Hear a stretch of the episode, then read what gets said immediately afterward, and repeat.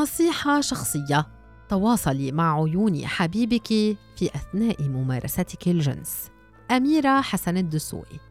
ما ترفعيش عينيك فيا كلمة تسمعها المرأة العربية أكثر من مرة سواء من أبيها أو من أخيها الأكبر. وتقال عادة عندما تحاول المرأة تبرير موقفها أو مناقشة الطرف الذكوري الآخر وهي ناظرة في عينيه. وحتى إن كانت على حق فرفع العين أو النظر في عين الأخ والأب في أثناء المناقشة يندرج من وجهة نظر السلطة الأبوية تحت بند التحدي وقلة الأدب. ما بترفعش عينها من على الأرض؟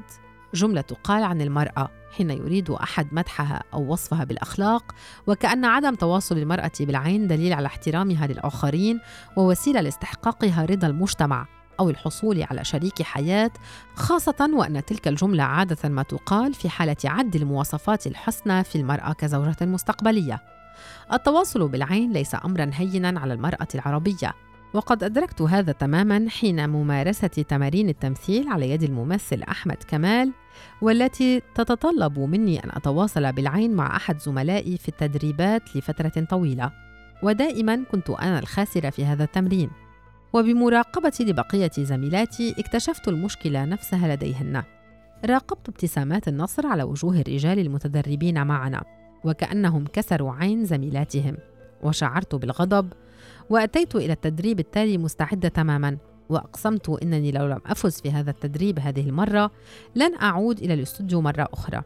ولكني فزت وأنا أرتعش وأتوتر أمام نظرات زميلي الثاقبة وأمعائي تصدر أصوات من شدة الارتباك ولكني صمت والتحدي في عيني جعل الموقف محرجا وموترا لزميلي فأبعد عينه وفزت أنا.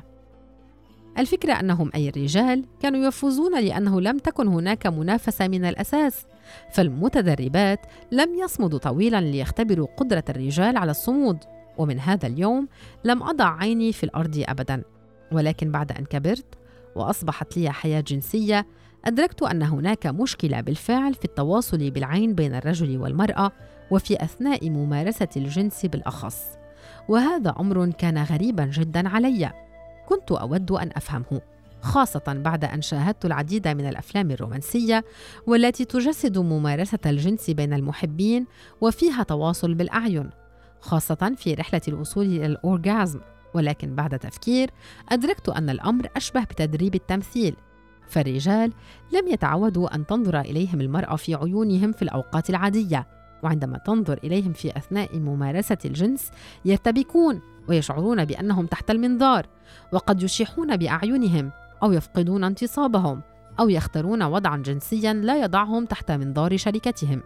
مثل أي شيء في حياتي كفحت للوصول إلى هذا الشعور أن تكون العين في العين في أثناء ممارسة الجنس وفي أثناء التواصل الجسدي في أبهى وأرقى صوره وأن يكون هذا التواصل روحيا وجسديا في الوقت نفسه ألا يقولون أن العين نافذة الروح؟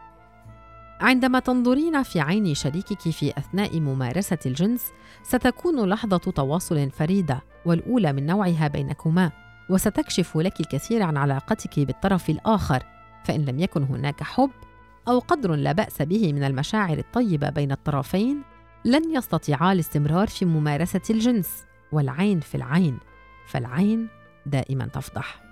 وإذا كان طرف من الطرفين عادة ما يتخيل شخصا آخر في أثناء ممارسة الجنس ليثير نفسه فلن يكون هذا متاحا في تلك اللحظة.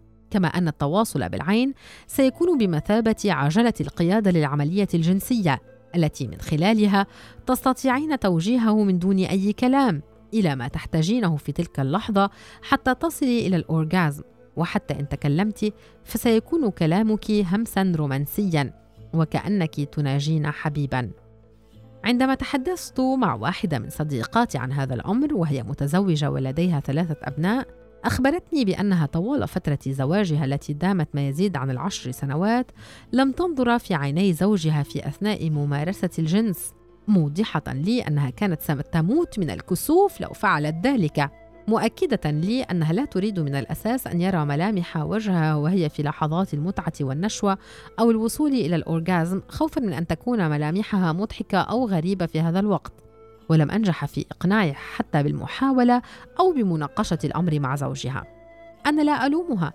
فكسرة العين تلك التي تربينا عليها في تفاصيل صغيرة في الحياة مثل النقاش مع من يملك السلطة الأبوية ستكون أضعافا مضاعفة حين يصل الأمر إلى ممارسة الجنس فهو أمر مخجل بالنسبة إلى الكثيرات من النساء اللواتي ينظرن إلى متعتهن وملامحهن في أثناء ممارسة الجنس على أنها شيء يجب أن يخفى ولا يجهر به.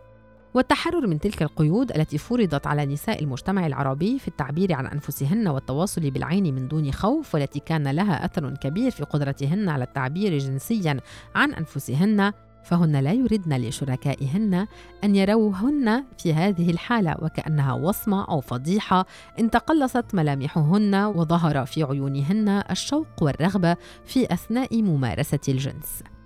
في الثقافة الهندية القديمة هناك مفهوم يطلق عليه التانترا وكلمة تانترا هي كلمة في اللغة السنسكريتية وهي لغة هندية قديمة وتعني منسوجين معا أو نسيجا واحدا وهي دلالة على الغرض منها في أثناء ممارسة الجنس بين الرجل والمرأة إذ يتوحد الشريكان جسديا وروحيا في نسيج واحد.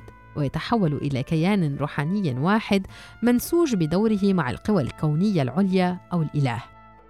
تلك باختصار هي فكرة التانترا الهندية.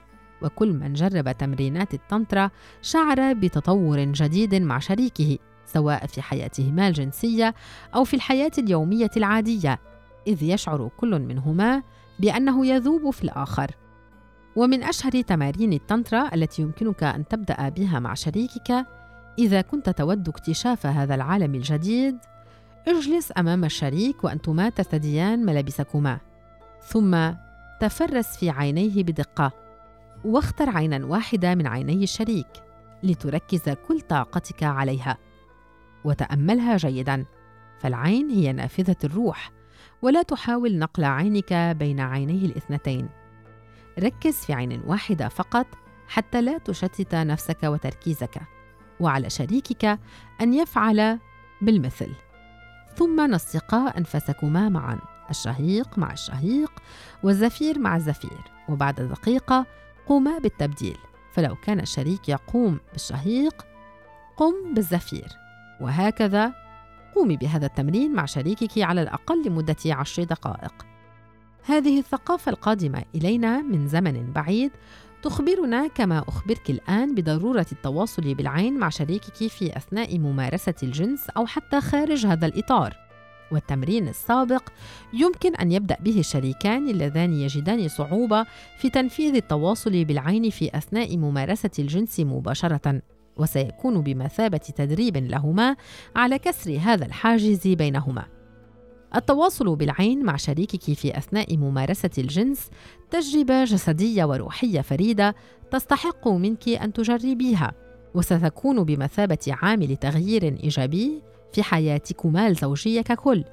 في أحد تصريحاته الإعلامية كان النجم توم هانكس يوجه جملة إلى جماهيره كنصيحة مفادها عليك أن تتحدث عليك أن تسمع عليك أن تضحك وعليك أن تمارس يوغا التانترا وقد تفسر هذه النصيحة حياة توم هانكس الزوجية السعيدة والتي استمرت ما يزيد عن 25 عاماً.